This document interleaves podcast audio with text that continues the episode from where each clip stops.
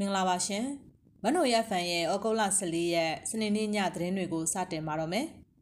ဒီနေ့ညရဲ့သတင်းတွေထဲမှာဒီမော့ဆိုမြို့နယ်အရှိတ်ချမ်းမှာ KMDF နဲ့စစ်ကောင်စီတပ်တို့တိုက်ပွဲဖြစ်ပွားနေတဲ့တဲ့မင်းတပ်မြို့မှာတိုက်ပွဲပြန်လည်ဖြစ်ပွားနေလို့ဒေသခံတချို့ဖမ်းဆီးခံရပြီးစစ်ရှောင်4000နီးပါးတိမ်းရှောင်နေရတဲ့တဲ့ကဏီနယ်မှာစစ်ကောင်စီတပ်သားကပြည်သူကိုရိုက်နှက်မှုဖြစ်ပွားတဲ့တဲ့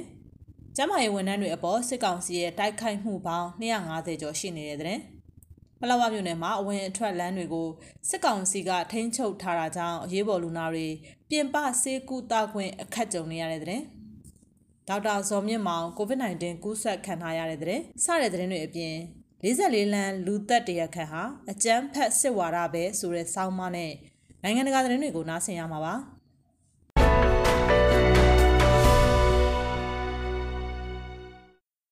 ကင်းနီပြည်နယ်ဒီမော့ဆိုမြို့နယ်အရှိတ်ချမ်းမှာရှိတဲ့ထီဖိုကလိုကြီးရွာနီးတစ်ဝိုက်မှာဒေသကာကွယ်ရေးတပ်ဖွဲ့ KMDF တပ်ဖွဲ့ဝင်တွေနဲ့အာနာသိန်းစစ်ကောင်စီတပ်ဖွဲ့ဝင်တွေအကြားဩဂုတ်လ23ရက်နေ့ညနေ6နာရီလောက်ကနေတိုက်ပွဲဖြစ်ပွားခဲ့တယ်လို့ KMDF တာဝန်ရှိသူတို့ကမြစည်းမကိုပြောပါတယ်။ဒီမော့ဆိုမြို့နယ်အရှိတ်ချမ်းကိုအလုံးရင်းနဲ့ဝင်ရောက်လာတဲ့အာနာသိန်းစစ်ကောင်စီတပ်ဖွဲ့ဝင်တွေနဲ့ KMDF တို့အကြားနှစ်ဖက်ထိတ်တိုက်တွေ့ပြီးထိတွေ့ပစ်ခတ်မှုတွေဖြစ်ပွားခဲ့တာပါ။ အဲ့ဒီတိုက်ပွဲနဲ့ပတ်သက်ပြီးနှစ်ဖက်ထိခိုက်မှုနဲ့တိုက်ပွဲအသေးစိတ်ကိုတော့လက်ရှိအချိန်ထိမသိရသေးဘူးလို့ဆိုပါတယ်။မြန်မာနိုင်ငံမှာစစ်တပ်အာဏာသိမ်းပြီးနောက်ကရင်ပြည်နယ်ဒီမော့ဆိုဖရူဆိုမိုးပြဲလွိုက်ကော်နဲ့ကနီဒေသတွေမှာဒေသကာကွယ်ရေးတပ်ဖွဲ့တွေနဲ့အာဏာသိမ်းစစ်ကောင်စီတပ်ဖွဲ့ဝင်တွေအကြားတိုက်ပွဲတွေဇက်တိုက်ဖြစ်ပွားနေပါတယ်။ ဖရူဆိုမြို့နယ်ဒေကလူဒေါ်ကြီးရွာနီးမှာလဲဩဂုတ်လ12ရက်နေ့မနက်ပိုင်းကစစ်ရင်အားဖြည့်တင်းဖို့လမ်းကင်းချထားတဲ့စစ်ကောင်စီတပ်ဖွဲ့ဝင်တွေကို KNY တပ်မတော် KA နဲ့ဒေသကာကွယ်ရေးတပ် KMDF ပူးပေါင်းအဖွဲ့တွေကတွားရောက်တိုက်ခိုက်ခဲ့ကြပါတယ်။အဲ့ဒီပြစ်ခတ်မှုမှာအာနာသိန်းစစ်ကောင်စီတပ်ဖွဲ့ဝင်9ဦးသေဆုံးပြီးတော့3ဦးဒဏ်ရာရရှိသွားတယ်လို့ KMDF ကသတင်းထုတ်ပြန်ထားပါတယ်။ စစ်ကောင်စီကိုကျွန်တော်တို့တိုက်တဲ့နေရာမှာလူလူနဲ့ဝေးတဲ့နေရာတွေကိုတတ်နိုင်သလောက်ရှောင်ပြီးတော့တိုက်ရတယ်။တခါတလေမှာတော့တိုက်ပွဲရဲ့အနေအထားအရရွာတွေနဲ့နီးတဲ့နေရာတွေမှာလည်းဖြစ်လာနိုင်ပါတယ်။အဲဒီလိုအချိန်တွေမှာလူလူကမစိုးရင်ကြဖို့နဲ့တယောက်နဲ့တယောက်သတင်းမှန်တွေပေးကြဖို့ကိုလည်းတိုက်တွန်းချင်ပါတယ်လို့ KMDF တာဝန်ရှိသူကပြောပါတယ်။ စစ်ရေးတင်းမာနေတဲ့ KNY ဒေသမှာတိုက်ပွဲတွေကြောင့်တောင်းနဲ့ချီတဲ့ဒေသခံတွေဟာဘေးလွတ်ရာတောတောင်တွေမှာထွက်ပြေးခိုလုံနေကြရပြီးတော့စားနပ်ရိက္ခာဆေးဝါးနဲ့အမိုးအကာတွေလိုအပ်နေတယ်လို့စစ်ဘေးရှောင်ကူညီဆောင်ရွက်နေသူတွေကပြောပါတယ်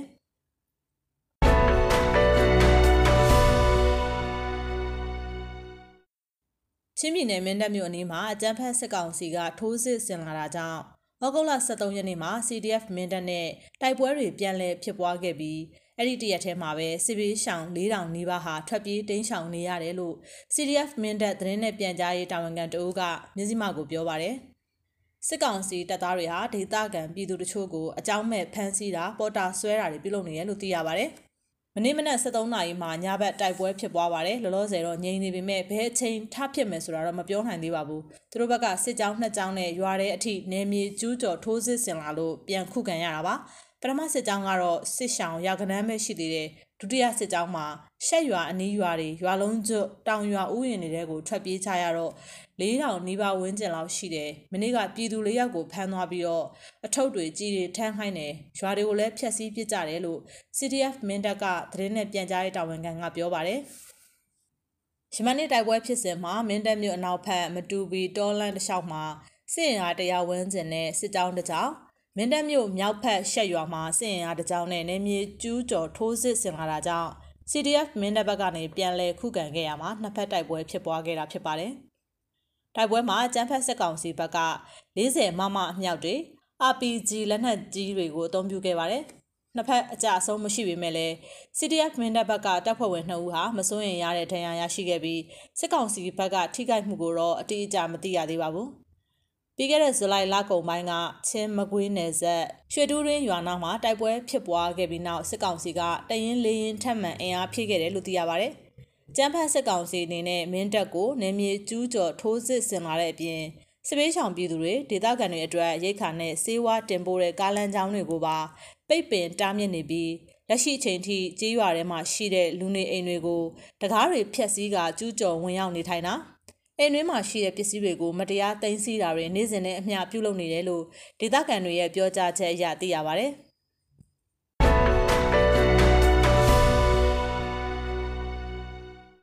စကိုင်းတိုင်းဒေသကြီးရမပင်ခရိုင်ကနေမြို့နယ်မုတ်ဒရောကျေးရွာမှာစစ်ကောင်စီတပ်သားတွေဝင်ရောက်မှွေနှောက်ပြီးဒေသခံပြည်သူအသက်40အရွယ်အမျိုးသားတူကိုရိုက်နှက်မှုဒီကနေ့ဩဂုတ်လ14ရက်နေ့မှာဖြစ်ပွားခဲ့ပါတယ်။ဒီနေ့မနက်ပိုင်းမှာအသက်40အရွယ်ရှိတဲ့အမျိုးသားတူကို မူဒရောနကျေးရွာမှာတက်ဆွဲထားတဲ့စစ်ကောင်စီတပ်ကဖမ်းဆီးရိုက်နှက်ခဲ့ပြီးဥကောင်လက်နဲ့ရင်ဘတ်တွေမှာဒဏ်ရာရရှိခဲ့တယ်လို့သိရပါတယ်။အဲ့ဒီရွာကစိုက်ကယ်၅စီးကိုယူသွားပြီးတော့နေအိမ်တိန်ကအဲကွန်တလုံးကိုလည်းဖျက်ဆီးသွားခဲ့တယ်လို့ဒေသခံသတင်းရင်းမြစ်တစ်ခုကပြောပါတယ်။ကျန်းဖတ်စစ်ကောင်စီတပ်သားတွေဟာလူဦးရေ2000ရှိတဲ့မူဒရောရွာမှာတက်ဆွဲထားစဉ်ကြေးရွာကနွားတကောင်ကိုတက်စားပြီးပုံနေတဲ့အသားတွေကိုပြန်လဲရောင်းချတာတွေလုပ်သွားတယ်လို့ဒေသခံတွေကဆိုပါတယ်။ ကဏီမျိုးအားထားကကျောင်းနဲ့မူဒရောနရွာမှာတက်ဆွဲထားတဲ့စစ်ကောင်စီတပ်တွေဟာကဏီချောင်းမလန်အတိုင်းချောင်းမရွာကိုရွေလျားပြီးကဏီအမက3မူလွန်ကျောင်းမှာစစ်ကောင်စီတပ်တချို့ရှိနေစေဖြစ်တယ်လို့သိရပါတယ်။ကျွန်တော်တို့ကဏီနယ်ကတိုက်ပွဲတွေဇက်တိုက်ဖြစ်နေတာဆိုတော့သူတို့ကတွေ့တဲ့ရွာမှာတက်ဆွဲကြတာပဲလို့စစ်ကောင်စီတပ်တွေကကဏီနယ်အတွင်းကြီးရွာတွေမှာတက်ဆွဲထားပုံကိုပြောပါတယ်။အနာသိမ်းပြီးချိန်ကလည်းလက်ရှိအချိန်ထိအကြမ်းဖက်စစ်ကောင်စီကိုနိုင်ငံနဲ့တဝမ်း လက်နက်ကင်တော်လှန်ကြရမှာစကိုင်းတိုင်းအတွင်းလက်နက်ကင်တိုက်ပွဲနဲ့ပြိပခဖြစ်စဉ်ပေါင်း62ခုဖြစ်ပွားခဲ့တယ်လို့အမျိုးသားညီညွတ်ရေးအစိုးရ NUG ကာကွယ်ရေးဝန်ကြီးဌာနရဲ့ထုတ်ပြန်ချက်အရသိရပါတယ်။အဲ့ဒီတိုက်ပွဲတွေမှာစစ်ကောင်စီဘက်က202ဦးသေဆုံးပြီးတော့ပြည်သူဘက်က20ကြာဆုံးခဲ့တယ်လို့ထုတ်ပြန်ချက်မှာပါရှိပါတယ်ရှင်။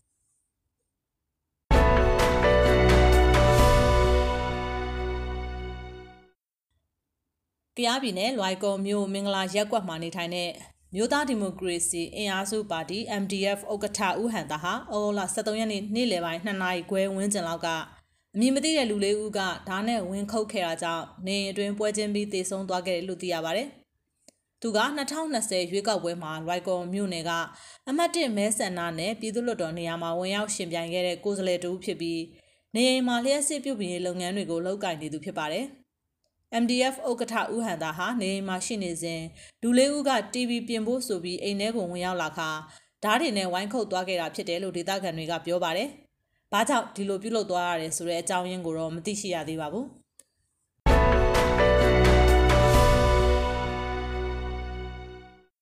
မြန်မာစစ်တပ်ဟာဖေဖော်ဝါရီလအတွင်းအာဏာသိမ်းခဲ့ပြီးနိုင်ငံကိုတရားမဲ့တိမ့်ပိုက်ထိန်းချုပ်ခဲ့ချိန်ကစက ကျမရေးဝန်ထမ်းတွေအပေါ်စစ်သားတွေရဲ့တိုက်ခိုက်မှုပေါင်း252ခုရှိခဲ့တယ်လို့အင်္ဂါနေ့ကထုတ်ပြန်တဲ့အစီရင်ခံစာတရက်အရသိရပါဗျ။အပြည်ပြည်ဆိုင်ရာ NGO အဖွဲ့အစည်းတစ်ခုဖြစ်တဲ့ Safeguarding Health in Conflict Coalition ရဲ့မြန်မာနိုင်ငံအတွင်းကျန်းမာရေးစောင့်ရှောက်မှုတွေအပေါ်အကြမ်းဖက်ခြင်းနဲ့မတရားပိတ်ဆို့ခြင်းအစီရင်ခံစာမှာဖေဖော်ဝါရီလကစတင်ပြီးကျန်းမာရေးဝန်ထမ်းတွေအပေါ်တိုက်ခိုက်မှုတွေအပါအဝင်ကျူးလွန်တဲ့ဖြစ်ရပ်ပေါင်း252ခုရှိခဲ့တယ်လို့ဖော်ပြထားတာပါ။ ဖန်ဆီးခံထားရတဲ့ကျန်းမာရေးဝန်ထမ်းပေါင်း190ကျော်ရှိပြီးတော့အကြောင်းပြချက်မရှိဘဲဖန်ဆီးထားတာဖြစ်တယ်လို့အစီရင်ခံစာကမှတ်ချက်ပြုထားပါတယ်။စီးနှင်းခံထားရတဲ့စေယုံပေါင်း86ခုရှိပြီးစစ်တပ်ကထိန်းချုပ်သိမ်းပိုက်လိုက်ပုံရတဲ့စေယုံတွေကတော့55ခုရှိကစစ်တပ်ရဲ့အမြောက်ပစ်ခတ်ခြင်းတွေကြောင့်ကျန်းမာရေးအဆောက်အအုံပျက်စီးမှုတွေအပါအဝင်ပျက်စီးဆုံးရှုံးမှုဖြစ်ပေါ်ခဲ့တဲ့ဖြစ်ရပ်ပေါင်း18ခုရှိရမှာနိုင်ငံရဲ့ COVID-19 တုံ့ပြန်မှုရန်ရာကိုတက်ရောက်မှုဖြစ်စေခဲ့ပါတယ်။ အသက်ခံရတဲ့ကျန်းမာရေးဝန်ထမ်းပေါင်း28ဦးရှိနေပြီးတော့တခြားဒဏ်ရာရသူ36ဦးရှိနေတယ်လို့အစီရင်ခံစာကအတည်ပြုဖော်ပြထားပါတယ်။ဖမ်းဆီးခံရမှာဆိုတာရဲ့ဖမ်းဝရမ်းထုတ်ထားတာရဲ့ကြောင့်ကျမရဲ့ဝန်ထမ်းတွေဟာပေါင်းအောင်နေကြရပါတယ်။တချို့ဖြစ်ရပ်တွေမှာဆိုရင်ကာယကံရှင်ကိုမတွေ့ရင်မိသားစုကိုဖမ်းဆီးတာမျိုးတွေရှိတယ်လို့အဲ့ဒီအစီရင်ခံစာမှာနောက်ထပ်မှတ်ချက်ပြုထားပါတယ်။ရန်ကုန်နဲ့မန္တလေးတို့ဟာစစ်တပ်အကြမ်းဖက်မှုတွေရဲ့ဗဟိုချက်ဖြစ်နေတယ်လို့အစီရင်ခံစာကဖော်ပြထားပါတယ်။ ကျမရဲ့ဝန်ထမ်းတွေကိုကာကွယ်မှုပြုလုပ်ပေးနိုင်ရဲ့အတွက်ကုလသမဂ္ဂဖွဲ့ဝင်နိုင်ငံတွေအနေနဲ့နိုင်ငံတကာလူ့အခွင့်အရေးနဲ့လူသားချင်းစာနာထောက်ထားရေးဥပဒေနဲ့အညီလိုက်နာဆောင်ရွက်ဖို့အဆိုပါအဖွဲ့အစည်းကမှတ်ချက်ပေးထားပါတယ်။ကျန်းမာရေးနဲ့လူသားချင်းစာနာထောက်ထားရေးဆောင်ရွက်သူတွေကိုအကာအကွယ်ပေးထားတဲ့ကုလသမဂ္ဂလုံခြုံရေးကောင်စီဆုံးဖြတ်ချက်2286ကိုအပြည့်အဝအသက်ဝင်ရေးအကောင့်ထဲပေါ်ဖို့ကိုလည်းတိုက်တွန်းထားပါတယ်။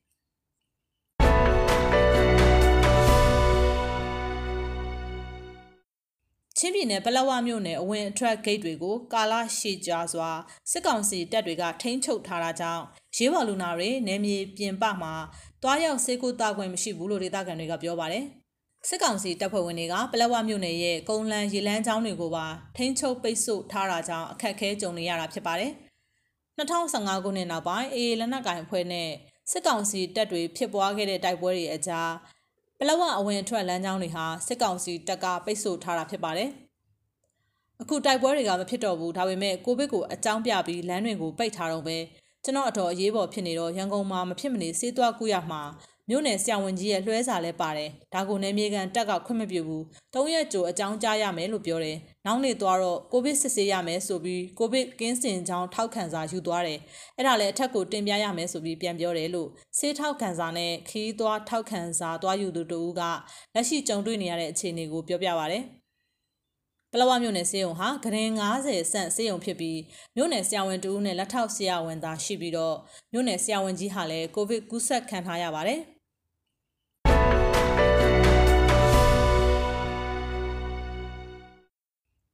မန္တလေးမြို့မဟာအောင်မြေမြို့နယ်စိန်မန်း42လမ်းနဲ့လမ်း90 62လမ်းကြားမှာဩဂုတ်လ23ရက်9နာရီကကြန့်ခိုင်ရေးပါတီဝင်တူ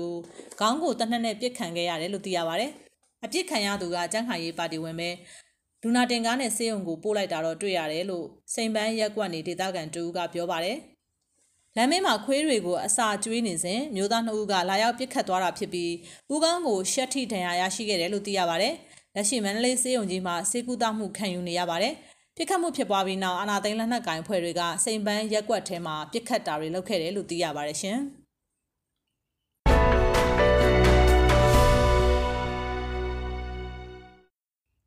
မန္တလေးတိုင်းဝန်ကြီးချုပ်ဒေါက်တာဇော်မြင့်မောင်ဟာ COVID-19 ရောဂါကူးစက်ခံထားရပြီးတော့မန္တလေးစေယုံကြီးမှာကုသမှုခံယူနေရတယ်လို့သိရပါတယ်။ဒီနေ့ဗီဒီယိုကွန်ဖရင့်နဲ့ရုံထုတ်တာရုံချင်းမှာဆရာစော်ကကျွန်တော်ကိုဗစ်ဖြစ်နေတယ် အောက်ဆီဂျင်ရှူနေရတယ်လို့ပြောကြောင်းသူ့ရဲ့ရှေ့နေကဆိုပါတယ်။ပိုးဖို့အကျဉ်းအောင်မှာ COVID-19 test kit နဲ့စစ်ဆေးကြည့်ရမှာပိုးမတွေ့ရှိဘဲနဲ့မန္တလေးဆေးရုံမှာနှာခေါင်းတိုးဘက်ယူပြီးစစ်ဆေးကြည့်မှပိုးတွေ့ရှိခဲ့တာဖြစ်တယ်လို့သိရပါတယ်။ဒေါက်တာဇော်မြင့်မောင်ဟာသွေးကင်ဆာခံစားနေရသူဖြစ်ပြီးအာနာသိမ့်ပြီးကလေးကဖမ်းဆီးခံထားရကအိုးဖို့အကျဉ်းထောင်မှာစေကူတမှုခံယူနေရသူလည်းဖြစ်ပါတယ်။စစ်ကောင်စီကဒေါက်တာဇော်မြင့်မောင်ကိုရာဇသက်ကြီးပုံမှန်905ခါခွေ တဘာဝဘေးရန်နေဆိုင်ရာစီမံခန့်ခွဲမှုဥပဒေပုံမှန်25အာဂရိလိုက်စားမှုတိုက်ဖြတ်ရေးဥပဒေပုံမှန်55တို့နဲ့တရားစွဲဆိုထားတာပါအာနာသိန်းစစ်ကောင်စီက NLD အစိုးရဖွဲ့ဝင်တွေဝန်ကြီးချုပ်တွေကိုပုံမှန်905ခါခွေနဲ့စတင်မှုဖွင့်ခဲ့ပြီးနောက်မကြခင်မှာပဲဝန်ကြီးချုပ်တချို့နဲ့အစိုးရအဖွဲ့ဝင်တချို့ကိုအာဂရိမှုတွေနဲ့ထပ်မံမှုဖွင့်ခဲ့တာပါ။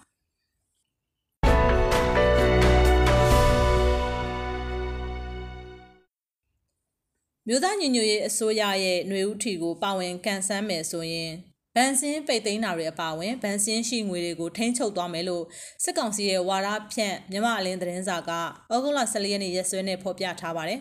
။စစ်ကောင်စီဝါဒဖြန့်မြမအတန်နဲ့ရုံမြင့်တန်းကြားကလည်းအောင်မလေးထီဖွင့်လေရောင်းချတာနဲ့ပတ်သက်ပြီးမေးမြန်းစင်မှာစစ်ကောင်စီလက်အောက်ခံပြည်တွင်းအခွန်များဦးစီးဌာနအောင်မလေးသိန်းစုဌာနခွဲညွှန်ကြားရေးမှူးဦးညီညီလှိုင်ကပြောဆိုလိုက်တာဖြစ်ပါတယ်။ e-lottery မှာအဓိကကငွေပေးချေမှုအပိုင်းမှာမြန်မာနိုင်ငံမှာ KBZ Pay, Wave Money, Mobile Payment, Online Payment, Bank Transfer တွေကမြန်မာနိုင်ငံဗဟိုဘဏ်ရဲ့ထိန်းချုပ်မှုနဲ့ဆောင်ရွက်ရတာပါဗဟိုဘဏ်အနေနဲ့တရားမဝင်ထီအတွက်ငွေပေးချေမှုနဲ့ဆက်ဆက်တဲ့ဘဏ်စင်းပိတ်သိမ်းတာဗန်စင်းထဲမှာရှိတဲ့ငွေတွေကိုထိန်းချုပ်တာတွေနဲ့အတူပြည်ထောင်ဝန်ကြီးဌာနလိုသက်ဆိုင်ရာဝန်ကြီးဌာနတွေကိုသတင်းအချက်အလက်ပေးပို့ပြီးအရေးယူနိုင်တာတွေရှိတယ်လို့ဦးညီညီလှိုင်ကဆိုပါတယ်။ လက်ရှိမှာမြန်မာပြည်တွင်းနေထိုင်သူတွေအနေနဲ့အကြမ်းဖက်စစ်ကောင်စီလက်အောက်ခံအောင်မလေးထီကိုထိုးတဲ့သူနှဲပါနေပြီးစစ်ကောင်စီလက်ထက်မှာအမြင့်ဆုံးစုငွေအနေနဲ့ကျပ်သိန်း9000အထိရှော့ချသတ်မှတ်ထားပါတယ်။မြမနွေဦးတော်လှန်ရေးကာလမှာပေါ်ပေါက်လာတဲ့အောင်လန်လွှင့်ချီနွေဦးထီအမည်နဲ့မြို့သားညီညွတ်ရေးအစိုးရစီမံကိန်းဗဏ္ဍာရေးနဲ့ယင်းနှိမ့်မြုပ်နှံမှုဝန်ကြီးဌာနကအွန်လိုင်းငွေပေးချေမှုစနစ်နဲ့ထီကိုစတင်လုပ်ကိုင်တော့မှာဖြစ်ပါတယ်။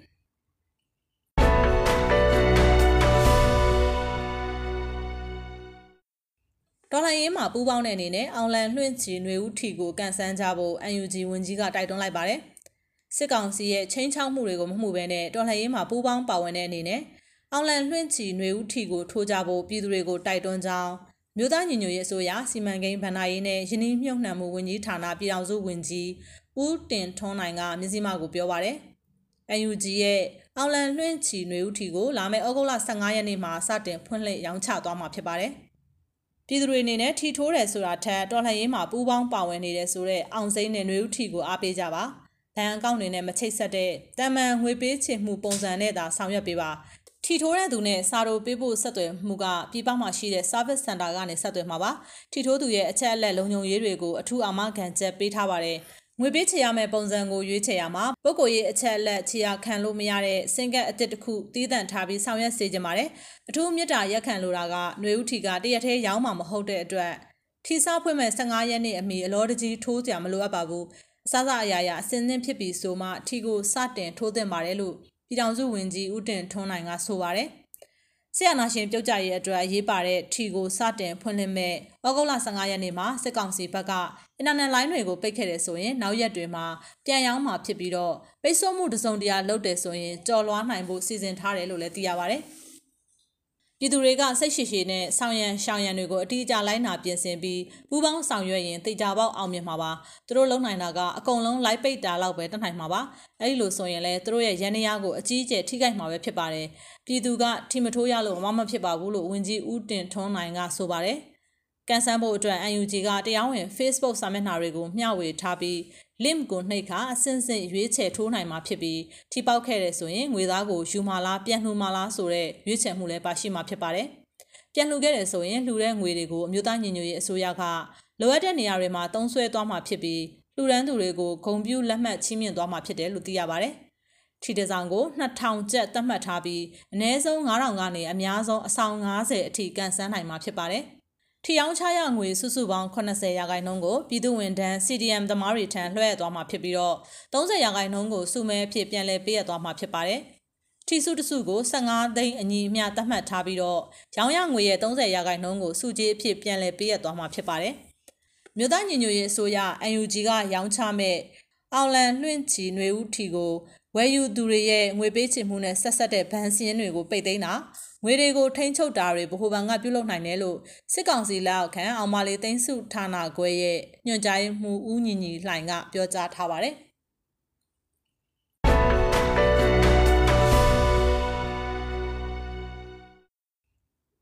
44လမ်းလူသက်တရာခန့်ဟာအကျန်းဖက်စစ်ဝါဒပဲဆိုတဲ့စောင်းမကိုနားဆင်ပါရှင်။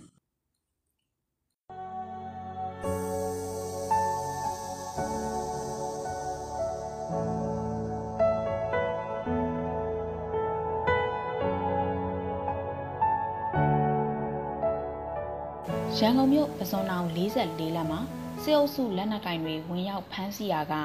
လူငယ်9ဦးတိုက်အောက်ကျပြီးတည်တဲ့ဖြစ်ရပ်ဩဂုတ်လ10ရက်ကဖြစ်ခဲ့ပါတယ်။တေဆုံးသူတွေဟာအသက်20ကျော်ပတ်ချလဲအမျိုးသား4ဦးနဲ့အမျိုးသမီး2ဦးတို့ဖြစ်ပါတယ်။ဒီလူငယ်အာဇာနည်9ဦးတေဆုံးရမှုအတွက်တနိုင်ငံလုံးကစုတ်သက်ကြဝမ်းနည်းကြဒေါသထွက်ကြနဲ့ဖြစ်ကုန်ကြပါတယ်။ဒီလိုမျိုးနိုင်ငံအနာဂတ်ဖြစ်တဲ့လူငယ်9ဦးဟာ စစ်အုပ်စုလက်နက်ကင်တွေရဲ့ပယောဂနဲ့အသက်ပေးခဲ့ရတဲ့အဖြစ်ဟာမိမိကိုယ်ကိုလူလို့သတ်မှတ်ထားသူတိုင်းလက်မခံနိုင်တဲ့ကိစ္စရပ်ဖြစ်ခဲ့ပါတယ်။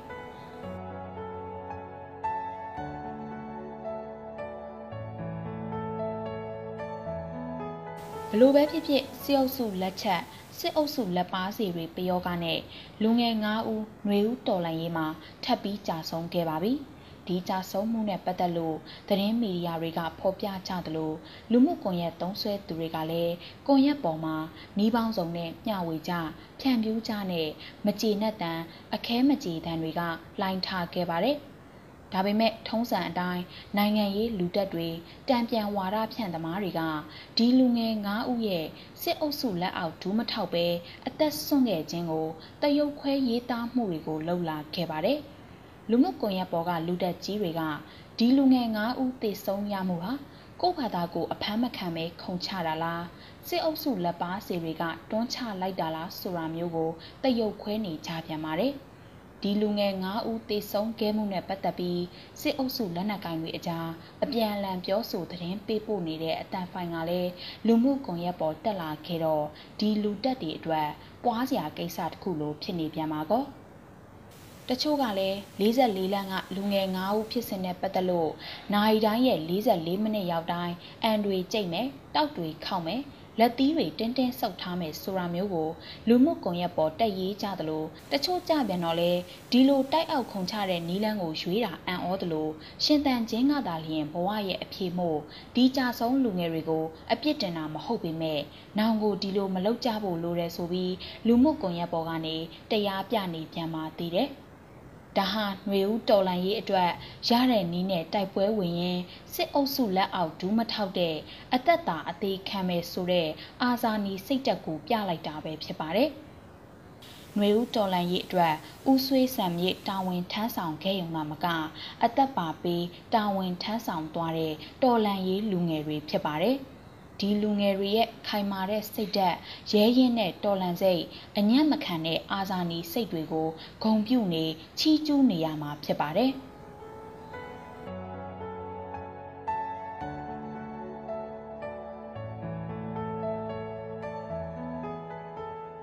ကျွေးလင့်သွားတဲ့လူငယ်၅ဦးဟာ စေအုပ်စုလက်နက်ကင်စီအညံ့မခံကျင်တာကြောင့်ကိုဘာသာတိုက်ပေါ်ကခုံစင်းပြီးတော်လန်ရေးသမားစိတ်ကိုပြက်ပြက်သားသားပြသွားတာဖြစ်ဖြစ်စေအုပ်စုလက်ချက်နဲ့ပဲတိုက်ပေါ်ကကြပြီးလူမဆန်စွာတေဆုံးရတာပဲဖြစ်ဖြစ်ຫນွေဦးတော်လန်ရေးလူငယ်၅ဦးကျွေလွင့်ဆုံးရှုံးခဲ့ရပါပြီ။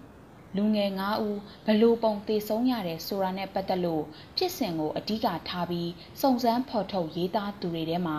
တမိုင်းကိုမှတ်တမ်းတင်သူတွေထဲမှာသတင်းမီဒီယာသမားတွေလည်းပါဝင်ပါတယ်။ဒီနေရာမှာသတင်းဖြစ်စဉ်ကိုဖော်ပြဖို့လိုအပ်တယ်လို့တစ်ဖက်ကနေလည်းဒီဖြစ်စဉ်ဖြစ်လာရတဲ့အဓိကအကြောင်းအရာကိုလည်းတူးဆွရေးသားမှတ်တမ်းတင်ကြဖို့လိုအပ်ပါတယ်။တမိုင်းမှာဗိုလ်ချုပ်အပါအဝင် အာဇာနည်၉ဦးလောက်ကြံခံရမှုတရက်ခန့်ဟာလူပုတ်ကိုဖြစ်တဲ့ဂလုံဦးစောကြောင့်လားနိုင်ငံကိုလွတ်လပ်ရေးမပေးကြတဲ့နေချက်ဝါဒီအင်္ဂလိပ်တွေရဲ့ရုံမာတဲ့နေချက်စနစ်ကြောင့်လားဆိုတာမေးခွန်းထုတ်ရတယ်လို့ပါပဲဒီလူငယ်၅ဦးဟာလက်နက်ကင်ရဲနဲ့စစ်သားတွေလက်ချက်ကြောင့်တည်တယ်လို့ဆိုရပေမဲ့ဒီရုံမာရိုင်းဆိုင်တဲ့လက်နက်ကင်တွေကို မောင်းနှင်နေတာလူသက်အကြမ်းဖက်စစ်ဝါဒီလက်နက်ကင်အကြမ်းဖက်စနစ်သားလျင်ဖြစ်ပါတယ်။ ဒီလူငယ်တွေကို လူပီပီတတတေခွင့်မပေးခဲ့တာဟာလူသက်အကြမ်းဖက်စနစ်သားဖြစ်ပါတယ်။ဘလို့ပုံနည်းနဲ့အသက်ပေးခဲ့ရသည်ဖြစ်စေဘယ်လက်နက်ကင်တက်ဖွဲ့ပယောဂကြောင့်ဖြစ်စေဒီလူငယ်တွေရဲ့တည်ဆုံးမှုဟာຫນွေဦးတော်လှန်ရေးအတွက်ပေးဆက်မှု လူသက်အကြမ်းဖက်စစ်အာဏာရန်ရာရဲ့ကြိတ်ချီချက်ကြောင့်သာဖြစ်တယ်ဆိုတာကို ရှင်းရှင်းလင်းလင်းမြင်ထားဖို့လိုအပ်ပါတယ်။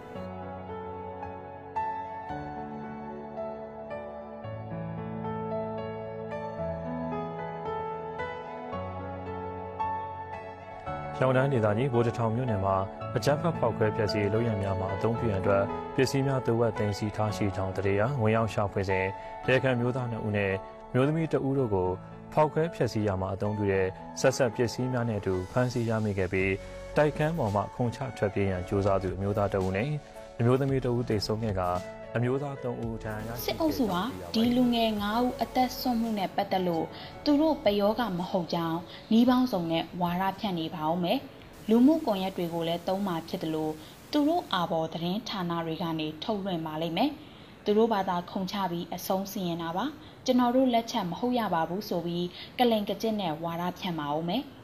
ဒီလူငယ်တွေစစ်အုပ်စုကိုဘာကြောင့်အသက်ပေးတော်လှန်နေရတယ်ဆိုတဲ့အဓိကအချက်ကို ဖုံးထား၊ကွယ်ထားဖွက်ထားပါဦးမယ်။ဒီလူငယ်တွေတေဆုံးရမှုအတွက်စစ်တပ်မှာအပြစ်မရှိပါဘူးဆိုတာကိုကာကွယ်ကြပါဦးမယ်။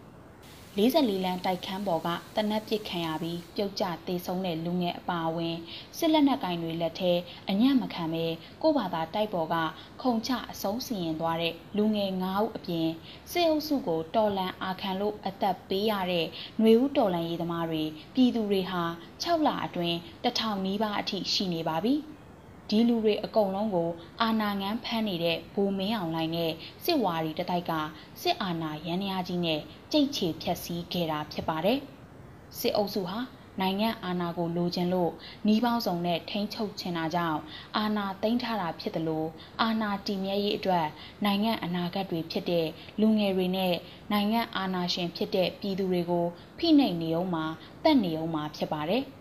တစ်ဖက်ကနေလည်းသူတို့ပေးထားကြွေးထားအယိုးအရင်ကြိုက်ခွင့်ပေးထားတဲ့နေပယ်ဆောင်ကပြည်သူတစ်စပေါက်တွေကိုတုံးပြီးသူတို့လောက်ရဟာမှန်ကန်ကြောင်းတက်တည်ပြနေပါဦးမယ်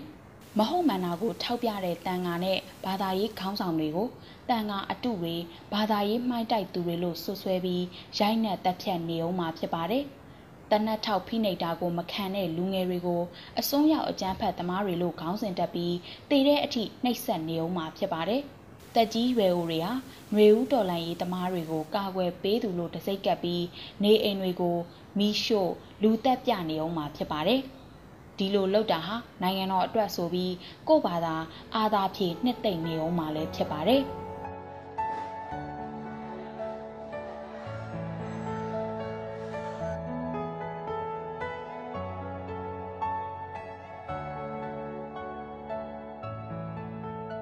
စစ်အုပ်စုအာဏာသိမ်းပြီးလူသက်ခွင့်ရနေတာအခုဆိုရင်6လကျော်နေပါပြီ။ဒါကိုလက်မခံနိုင်တဲ့လူတို့ဟာ6လကျော်ကာလအထိဒူးမထောက်လက်မမြောက်ပဲနှီးပေါင်းစုံနဲ့အာခံတော်လန်နေစေဖြစ်ပါတယ်။ညစဉ်ညတိုင်းစစ်ခွေးမောင်းတန်ညံနေစေဖြစ်တယ်လို့လက်နက်ကင်တံပြန်ခုခံမှုတွေကလည်းစစ်အုပ်စုလက်ပါစီတွေကိုအထိနာစေနေပါပြီ။ ပြည်ရင်းမှာရှိသူတွေကလည်းရတဲ့နီးနဲ့စန့်ကျင်တယ်လို့ပြည်ပရောက်မြန်မာတွေကလည်းရတဲ့နီးနဲ့ຫນွေဦးတော်လန်ရေးကိုဝိုင်းဝန်းကြကူညီကြနဲ့တက်ညီလက်ညီလှုပ်ဆောင်နေကြပါတယ်။နေရာစုံကနေလက်နက်ကင်တိုက်ပွဲဆင်နွှဲဖို့ဒီဒေးမခေါ်သေးပေမဲ့စစ်အာဏာရှင်စနစ်အပီးတိုင်ပြတ်သုံးရေးဒီဒေးခေါ်လှုပ်ရှားမှုဟာအာဏာသိမ်းပြီးကတည်းကရှိနေခဲ့တာဖြစ်ပါတယ်။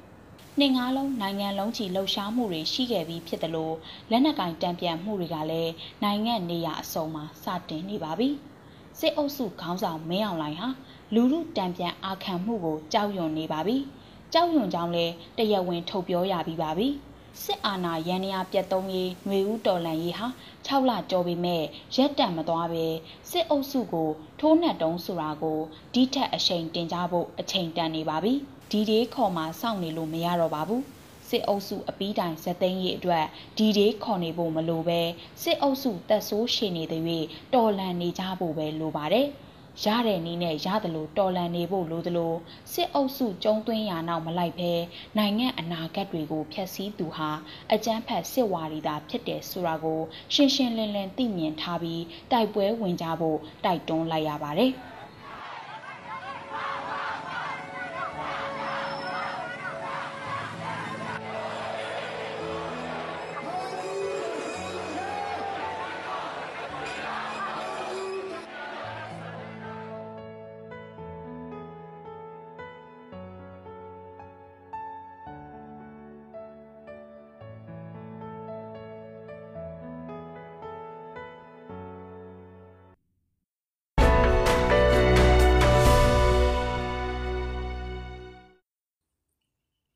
ဆက်လက်ပြီးတော့နိုင်ငံတကာသတင်းတွေကိုပြောပြပေးမှာပါ။ထိုင်းဆိုရကိုစန့်ကျင်ပြီးတပတ်အတွင်း၃ကြိမ်မြောက်အဖြစ်ဘန်ကောက်မှာဆန္ဒပြခဲ့ပါတယ်။ထိုင်းနိုင်ငံမှာကိုရိုနာဗိုင်းရပ်စ်ကူးစက်ဖြစ်ပွားမှုမြင့်မားလာတာနဲ့အစိုးရရဲ့ကပ်ဘေးအပေါ်ကင်တွယ်ဖြစ်ရှင်းပုံကိုမကျေနပ်ကြတဲ့ဒေါသအဆိုင်ခဲတွေကြောင့်အခုသတင်းပတ်အတွင်းမှာ၃ကြိမ်မြောက်အဖြစ်တောက်ကြနေကဘန်ကောက်မှာလူစုယုံဆန္ဒပြမှုကိုထိုင်းရဲတွေကမျက်ရည်ရိုဓာတ်ငွေတွေရာဘာဂျီတွေနဲ့ပစ်ခတ်ခဲ့တာကြောင့်ဆန္ဒပြသူ2ဦးထိခိုက်ဒဏ်ရာရခဲ့ပါတယ်။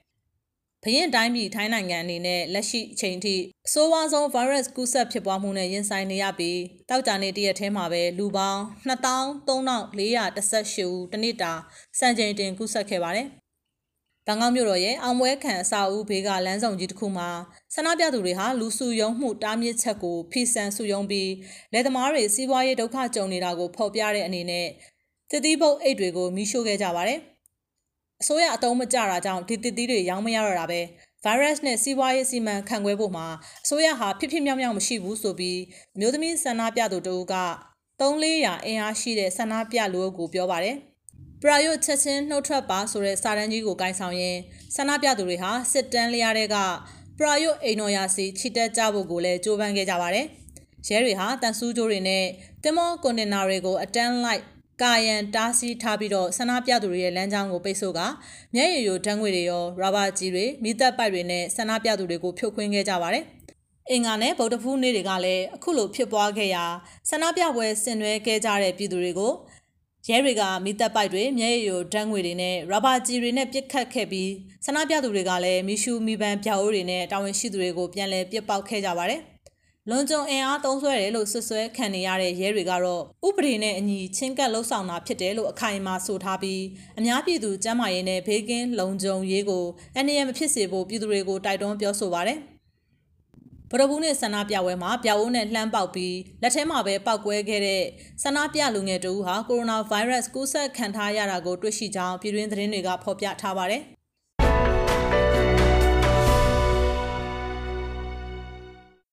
ဝမ်နိုရဖန်ရဲ့ဒီနေ့ညသတင်းတွေကတော့ဒီလောက်ပါပဲ။နားဆင်ကြကြသူတွေအားလုံးကျမ်းမာကြပါစေရှင်။